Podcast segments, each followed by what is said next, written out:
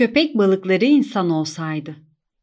Seslendiren Seda Görüroğlu Bay K'nın ev sahibinin küçük kızı, köpek balıkları insan olsaydı küçük balıklara daha iyi davranırlar mıydı diye sordu.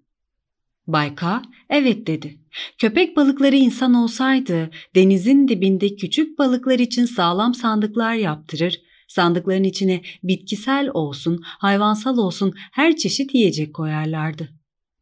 Sandıklarda her zaman taze su bulunmasına dikkat ederler, her türlü sağlık tedbirlerini alırlardı. Örneğin bir balığın kanadı yaralansa balığın vaktinden önce köpek balıklarının elinden çıkmaması için onun yarasını hemen sararlardı.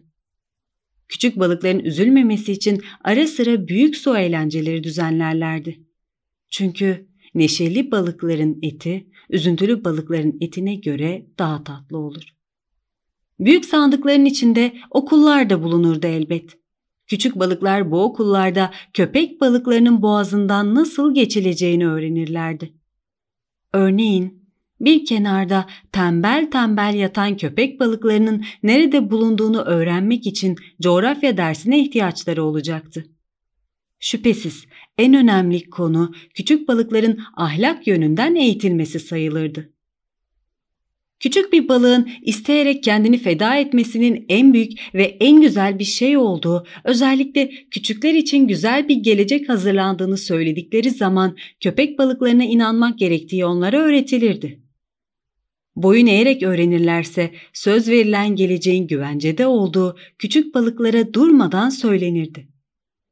Küçük balıklar bütün alçakça, materyalist, egoist ve marksist eğilimlerden sakınmak, aralarından birisi böyle eğilimlere kapılırsa onun köpek balıklarına derhal ihbar edilmesi gerekirdi.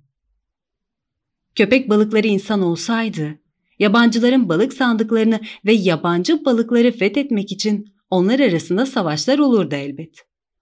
Bu savaşları da herkesin kendi küçük balığı yapardı. Köpek balıkları onlarla başka köpek balıklarının küçük balıkları arasında büyük ayrımlar bulunduğunu küçük balıklara öğretirlerdi. Bilindiği gibi haklarında bir hüküm verilirken küçük balıklar ses çıkarmazlar. Ama onlar çok çeşitli dillerde susarlar ve bu yüzden birbirlerini anlayamazlar. Savaşta düşman tarafından olan ve başka dilde susan birkaç küçük balık öldüren her küçük balığa deniz yosunundan küçük bir nişan takılır, kahraman ünvanı verilirdi. Köpek balıkları insan olsaydı onların da bir sanatı olurdu elbet. Köpek balıklarının dişlerini parlak renklerde gösteren, onların boğazlarını zevk bahçelerine benzeten, bu boğazlarda yapılan görkemli şenlikleri anlatan güzel resimler olurdu. Denizin dibindeki tiyatrolarda kahraman olmak isteyen küçük balıkların köpek balıklarının boğazından nasıl geçtiği anlatılırdı. Öyle güzel müzikler yaratılırdı ki bando en önde giderken müziğin melodileriyle kendinden geçen, tatlı düşlere dalan küçük balıklar köpek balıklarının boğazlarına akın akın girerlerdi. Köpek balıkları insan olsaydı onların dini de olurdu.